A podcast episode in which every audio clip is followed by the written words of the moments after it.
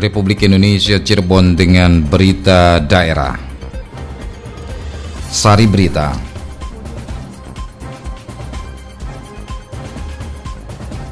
Yang masih mahal itu cabai, kentang, wortel. Wortel kan biasanya 6.000 masih 12.000 mbak. Kuncis mbak yang tadinya 3.000 sekarang 12.000. Kentang masih 14. Tanggo yang jebol tadi malam itu dua di blok makam di desa Jatiseng Kidul itu karena memang faktor usia dan juga tersumbat sampah. Kemudian di blok Palabuan di dekat jembatan gantung satu klep yang bocor.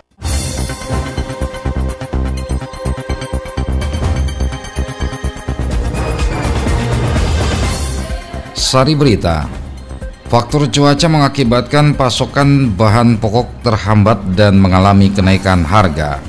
Empat kecamatan di wilayah timur Kabupaten Cirebon terendam banjir akibat luapan sungai Cisanggarung. Bersama saya Iskandar Zulkarnain, inilah berita daerah selengkapnya. Faktor cuaca mengakibatkan pasokan bahan pokok terhambat sehingga sebagian komoditi di tingkat pasar mengalami kenaikan harga. Selengkapnya dilaporkan Yulianti.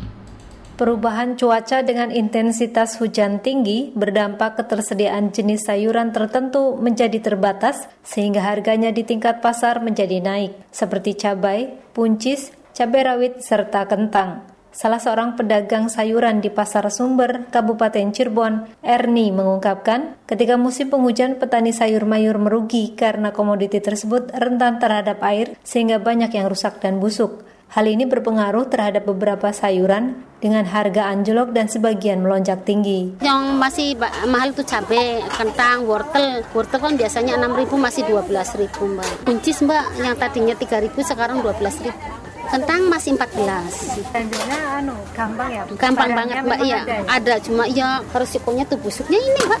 Iya. cabai ini aja tuh 15 kilo busuknya mau 5 kilo mbak. Kalau musim hujan ini mbak kalau nggak musim hujan satu minggu nggak busuk. Biar teot kayak gini nggak busuk mbak. kendalanya tuh busuknya itu mbak mulai harganya mahal tuh. Erni asal Brebes yang sudah 19 tahun berjualan sayuran mengaku ketika harganya mencapai 70 hingga 80 ribu rupiah per kilogram pasokan sayuran khususnya cabai merah hanya 5 kg tidak habis terjual. Namun saat harga cabai merah jenis beauty di kisaran Rp50.000 per kilo, Erni memasok sebanyak 37 kg dan habis selama dua hari. Erni berharap harga komoditi sayuran bisa normal sehingga petani maupun pedagang dapat merasakan keuntungan. Sementara Kabit Perdagangan dan Promosi Disperdagin Kabupaten Cirebon, Dadang Heriadi mengatakan, Dampak perubahan cuaca berpengaruh terhadap hasil produksi sayuran terganggu, seperti cabai menjadi kurang bagus sehingga menyebabkan harga tinggi. Selain itu dengan adanya hujan terus-menerus menghambat distribusi dan transportasi sehingga pasokan dari daerah penghasil ke tingkat pasar menjadi terhambat. Harganya mengalami kenaikan ya. Tapi kalau dari segi ketersediaan saya lihat di pasaran cukup dalam arti masih ada ya. Nah, cuma dari segi itu aja, segi kualitas ya cuma memang ada beberapa produk seperti cabai itu pasokan juga berkurang. Nah, tapi kalau yang lain sih seperti beras, kebutuhan pokok yang lainnya sih aman-aman saja lah. Ditambahkan Dadang Heriadi, Disperdagin mencatat harga cabai normal di kisaran 20 hingga 30 ribu per kilo. Kini naik menjadi 40 sampai 50 ribu rupiah. Sedangkan harga jenis cabai rawit merah naik signifikan 90 ribu dari harga normal 50 ribu rupiah. Bawang merah antara 24 hingga 30 ribu Komoditi lain yang mengalami kenaikan harga di antaranya telur mencapai Rp25.000 dan daging ayam kisaran Rp32.000 per kilogram. Diakui Dadang, kenaikan harga jenis sayur mayur akibat perubahan cuaca sangat berdampak bagi pengusaha kuliner termasuk rumah makan, catering dan lainnya untuk menyeimbangkan kenaikan kebutuhan pokok dengan harga produk kuliner.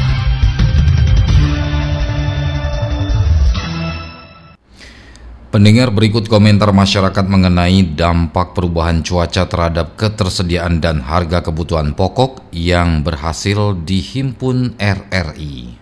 Ya saya sebagai warga masyarakat meminta perhatian pemerintah secara serius dalam pendistribusian pangan di saat memasuki musim penghujan karena untuk musim penghujan ini memang akan memberi dampak terutama untuk warga yang tertimpa banjir atau juga longsor dan hal tersebut diperparah dengan kondisi rantai distribusi yang belum baik khususnya saat musim hujan sehingga kondisi ini yang bisa mengganggu produksi pangan tidak optimal dan memerlukan penanganan pada masalah manajemen stok pangan terutama untuk ketersediaan bawang putih. Kalau untuk bawang putih untuk saat ini sangat mahal sekali Mas di pasar gitu kan saya sebagai warga agar pemerintah segera meringankan harga bawang putih yang ada di pasar. Ya di musim penghujan ini memang beberapa komoditas pangan itu mengalami kenaikan. Ini ya dari faktor cuaca tadi.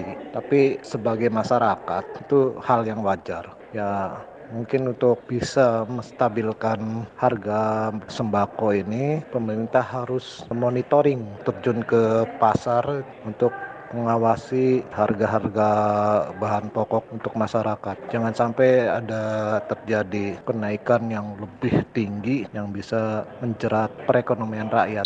Di musim hujan, harapannya saya sebagai masyarakat kota Cirebon, saya bisa memenuhi kebutuhan sehari-hari seperti makan, kebutuhan yang lainnya juga tersedia semuanya, beras, harganya juga tidak terlalu tinggi, harganya tidak naik. Jadi kalau musim hujan kan biasanya kita berjaga-jaga ya kalau ada banjir gitu. Tapi harapannya sih kita sebagai masyarakat kota Cirebon jangan terjadi banjir, terus juga stoknya aman semua, tidak ada kenaikan harga, semuanya normal-normal saja. Sebagai masyarakat, kita juga ingin harga-harganya, lalu kualitas barangnya juga semuanya bagus-bagus.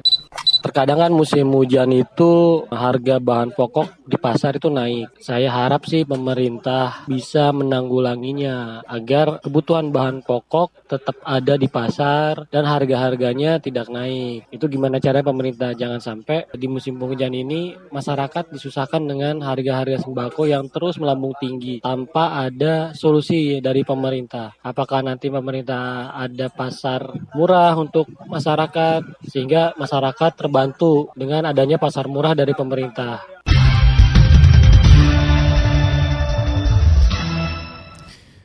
Untuk membahas lebih lanjut mengenai dampak perubahan cuaca terhadap ketersediaan dan harga kebutuhan pokok, kita ikuti wawancara reporter Aji Satria dengan Bambang Mujiarto selaku Ketua Umum Organisasi Mari Sejahterakan Petani MSP Wilayah Cirebon. Assalamualaikum warahmatullahi wabarakatuh, Pak Bambang Mujarto. Waalaikumsalam warahmatullahi wabarakatuh. Mas Aji. Iya, Pak Bambang mohon maaf mengganggu waktu ini Pak. Iya. Pak Bambang, sedikit bisa ngobrol terkait ketahanan pangan, ketersediaan pangan, mengingat eh, hingga bulan ini cuaca sangat ekstrim, hujan begitu derasnya, kemudian banyak juga genangan-genangan air yang menggenangi atau membanjiri lahan-lahan pertanian. Nah ini Pak Bambang dari uh, eh, MSP ini seperti apa nih Pak? Tanggapan ini Pak? Iya, betul sekali Mas. Sebetulnya kalau bicara masalah kedaulatan pangan ya, saya lebih sukanya kedaulatan pangan dibandingkan dengan ketahanan pangan. Karena istilah ketahanan ini kita dibutuhkan lagi petani ataupun tanaman yang ada di Indonesia cukup pada saat stok pangan kita kurang, kita minta ke negara-negara lain saja dengan impor, impor, dan impor. Tetapi kalau untuk kedaulatan pangan tentu konteksnya bagaimana semua potensi yang dimiliki oleh bangsa ini bisa dioptimalkan untuk memenuhi stok pangan dalam negeri itu sendiri. Nah, terkait dengan persoalan kaitannya iklim ekstrim yang sekarang, cuaca ya terutama, itu sangat berpengaruh sekali terhadap tadi sistem produksi pangan kita. Di mana salah satu yang sangat terasa sekali pada saat cuaca hujan misalkan. Hujan ini kan sebenarnya ada pergeseran musim hujan sekarang. Nah mestinya ini ada antisipasi dari semua pihak, termasuk juga dari pemerintah bagaimana menyampaikan informasi bahwasanya ada pergeseran cuaca. Ada apa namanya ketika hujan mulai turun ataupun ada keterlambatan hujan, musim penghujan, maka ini pun harus segera melakukan tanam. Pada saat tidak sesuai dengan waktunya, ya tentu ini akan berdampak pada tanaman itu sendiri. Bisa jadi, bisa jadi nanti dimasuk di masa-masa terakhir yang membutuhkan air ternyata tidak ada air. Nah, hal-hal seperti ini sebetulnya mempunyai dampak yang begitu besar sebetulnya terhadap stok pangan. Kayak sekarang banjir misalkan. Ini otomatis akan berpengaruh terhadap hasil produksi nanti dipanen. Kita bisa memproyeksikan nanti, memprediksikan bahwa ada penurunan produksi. Karena otomatis hasil produksinya tidak akan meningkat. Nah, lantas apa yang akan dilakukan? Ya tentu ini harus ada antisipasi secara sistematik. Baik itu melibatkan semua ya, terutama melibatkan semua elemen. Pemerintah harus turun, semua pelaku-pelakunya pun, terutama petaninya pun ini harus proaktif. Termasuk juga sampai pemerintahan desa. Ini bagaimana memastikan lahan-lahan pangan kita ini tidak sampai rusak begitu parah e, dengan dampak demikian itu akan mempengaruhi harga-harga di pasaran tidak sih Pak Bambang? Tentu, itu pun akan berdampak juga manakala stoknya kurang, otomatis harganya pun akan melangkah naik. Ini sudah menjadi hukum ekonomi ya Mas. Jadi inilah sebetulnya yang mesti menjadi perhatian bersama. Harus duduk bersama semua elemen untuk mengantisipasi kegagalan pangan ya, terutama kegagalan panen nanti, sehingga tidak berpengaruh terhadap, terhadap stok pangan kita. Jadi mulai sekarang harus berhitung, harus mulai dihitung berapa luasan area yang memang terdampak pada cuaca ekstrim, berapa luasan area yang masih aman. Sehingga nanti ada subsidi ya, katakanlah silang dari lahan-lahan yang masih bisa produktif adanya naik ya bisa dinaikkan mana yang tidak bisa digenjot untuk produksinya. Nah, dengan kondisi seperti ini nih Pak Bambang, kita kan tidak tahu kondisi cuaca ini e, buruknya atau seperti apa berapa lama ini Pak Bambang. Nah, ini kira-kira bagi masyarakat petani dan juga masyarakat lain butuh kepastian yang seperti apa nih Pak Bambang dari pemerintah nih agar tidak resah nih Pak Bambang. Iya. Jadi kalau kita berbicara pengalaman ya dan beberapa pengalaman yang sudah-sudah sebetulnya ini kan sudah bisa diantisipasi sebetulnya. Betul. Taruh dari musim kemarin pada saat musim penghujan itu turun misal mulai di bulan Desember ataupun bulan Januari. Nah, kalau sekarang kan sudah bergeser. Nah, mestinya mestinya dari pengalaman-pengalaman itulah kita bisa menjadikan dasar untuk masa yang akan datang atau tahun berikutnya. Dan juga terkait dengan apa antisipasi yang kita lakukan ya tentu tadi. Kita harus bisa. Kita kan punya perangkat yang namanya BMKG. Karena kalau bicara untuk pertanian, pangan ini tidak bisa hanya melihat pada sektor misalkan infrastruktur pertaniannya misalkan harus perbaiki hanya infrastrukturnya saja, okay. SDM petaninya saja. Tidak bu bukan hanya itu saja, tetapi karena semua bidang ini terkait dengan pangan ataupun pertanian, tentu ya semua bidang-bidang yang terkait itu harus satu bantu, satu ritme, dan di sini harus ada ada komandonya yang jelas siapa nanti yang harus menjadi komando untuk mengatur semua ritme-ritme itu di bidang-bidang ini sehingga capaiannya itu jelas bisa tercapai. Jadi untuk meminimal risikonya menurut saya segera untuk melakukan tindakan-tindakan yang strategis. Mereview dari beberapa pengalaman yang sudah-sudah agar ini bisa dijadikan dasar untuk melakukan perbaruan-perbaruan baik itu dari sistemnya ataupun dari kebiasaan yang ada di petani itu. Oke, baik Pak Bambang. Mungkin sedikit ke depan nih Pak, apa nih Pak? Jangan dari Pak Bambang nih Pak untuk teman-teman petani dan juga masyarakat nih Pak. Ya baik Mas. Jadi memang untuk ke depan saya kira yang harus dilakukan ini harus ada pembenahan beberapa berbicara masalah kedaulatan pangan tentu ada beberapa aspek juga yang harus diperhatikan infrastruktur kita bisa melihat berapa umur sungai besar dari mulai dibangun sampai dengan sekarang sepertinya masih kurang untuk perhatian. Kemudian irigasinya ini pun sangat minim sekali perhatian-perhatian. Baik itu dari pemerintah daerah maupun provinsi. Kalau pusat saya kira sudah perhatiannya sudah lumayan bagus ya. Nah tinggal untuk pemerintah yang di bawahnya artinya ada sinkronisasi dan juga sinergitas dalam pembenahan infrastrukturnya. Kemudian, tak kalah penting adalah bagaimana meningkatkan sumber daya manusia. Petani-petani Indonesia yang mempunyai semangat juang yang tinggi, saya, selalu menyebut mereka ini adalah pahlawan pangan. Karena mereka ini sebetulnya adalah orang yang mempunyai jasa dan tanpa meminta jasa dari negara. Tetapi selalu berbuat untuk bangsa dan negara. Tentu perhatian itulah yang harus menjadi perhatian dari pemerintah dalam menjamin kehidupannya. Percepatan tanam ketika musim berganti tentu harus disesuaikan juga. Kalau memang ada serempakan semua elemen. Karena ini akan menjadi salah satu keberhasilan dalam tanam juga. Artinya untuk stoknya pun, stok pangannya akan lebih terjamin. Mungkin itu mas. Oke, baik Pak Bambang. Terima kasih nih atas waktu berbincang dengan RRI pada sesi wawancara kali ini nih Bapak. Dan mudah-mudahan bisa bermanfaat ke depannya ya Pak. Terima kasih Pak. Assalamualaikum warahmatullahi wabarakatuh. Waalaikumsalam.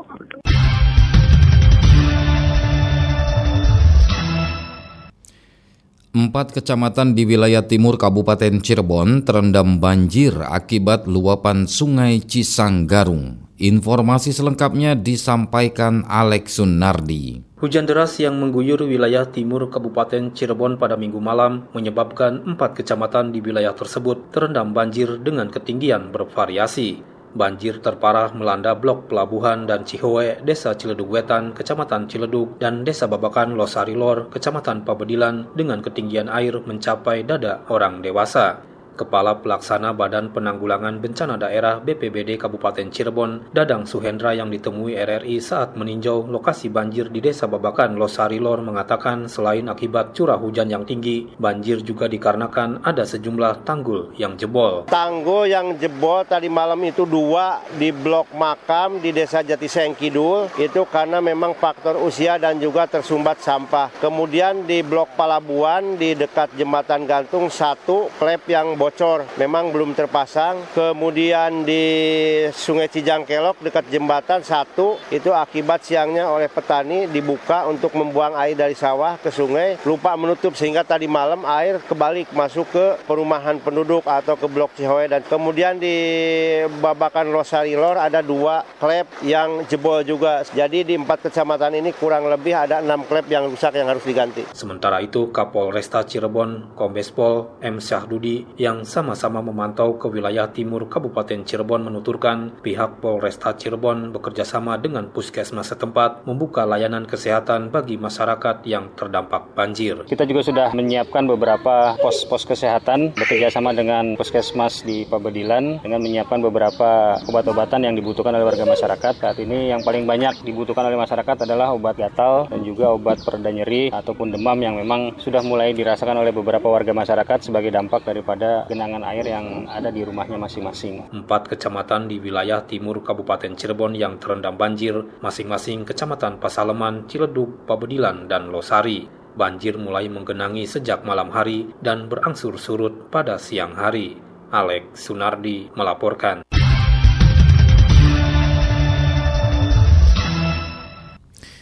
Masyarakat diminta waspada terhadap munculnya berbagai penyakit dampak perubahan cuaca yang menyebabkan banjir.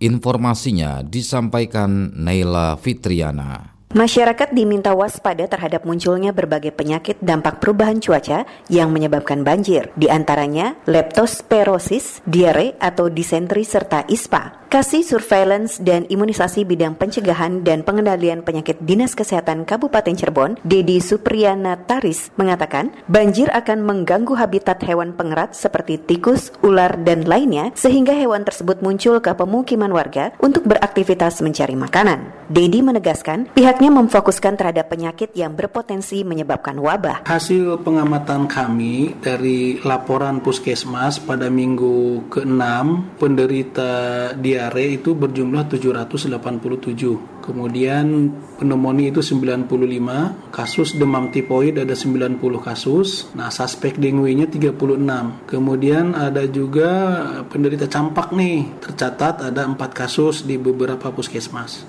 Puskesmas yang ada penderita campak itu di Sindang Laut, Beber, Sindang Jawa, dan Waruroyong. Biasanya daya tahan tubuh seseorang itu akan menurun karena pengaruh cuaca, mungkin juga karena pengaruh intake, kurang istirahat. Di sisi lain, cuaca yang seperti ini menambah lebih cocok untuk hidupnya kuman penyakit. Dinkes mendata, total kunjungan ke 60 puskesmas se-Kabupaten Cirebon hingga minggu ke-6 tahun 2020 sebanyak 49.171 pasien. Ditambahkan Dedi, dari pengamatan surveillance, kasus yang paling banyak muncul yaitu demam berdarah, pneumonia, ISPA yang meningkat, serta muncul kasus leptospirosis pada tahun 2015 yang dimungkinkan bisa terjadi kembali sehubungan dengan perubahan cuaca. Diakui kewaspadaan terhadap penyakit ISPA penting dilakukan sebab ISPA merupakan pencetus terjadinya penyakit pneumonia. Bila tidak segera mendapatkan pertolongan pengobatan, akan terjadi kerusakan paru-paru. ISPA banyak menyerang pada anak usia 2 hingga 10 tahun. Selain itu, Dinkes Kabupaten Cirebon mencatat pada tahun 2019 sebanyak 29 kasus kejadian gigitan hewan penular rabies GHPR yang perlu diwaspadai masyarakat. Mengingat jika seseorang tergigit hewan penular rabies, maka tingkat fatalitas sangat tinggi.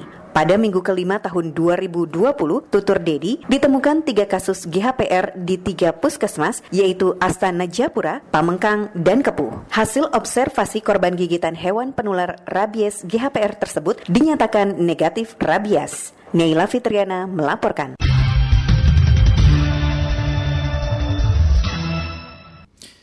Saudara kini kita ikuti berita olahraga. Berita olahraga. Berita olahraga. Tiga pemain Kabupaten Cirebon dipanggil Asprof PSSI Jawa Barat untuk mengikuti seleksi tim sepak bola Jawa Barat menghadapi PON 2020 Papua. Ketiga pemain tersebut yakni Dea Wahyudin, Wandi Babon, dan Saiful Anam yang akan mengikuti seleksi di Bandung hingga tanggal 19 Februari. Ketua Askap PSSI Kabupaten Cirebon, Yan Kurniawan mengaku bangga dengan terpanggilnya tiga pemain asal Kabupaten Cirebon untuk mengikuti seleksi tim PON Jawa Barat.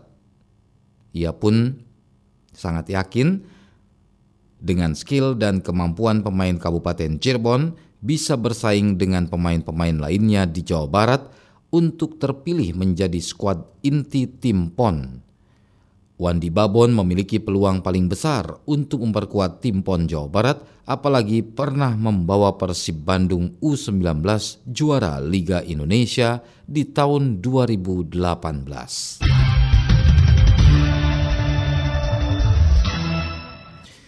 Sekian berita daerah, selamat pagi. Demikian rangkaian berita aktual pagi ini dalam Buletin Berita Daerah Radio Republik Indonesia Cirebon.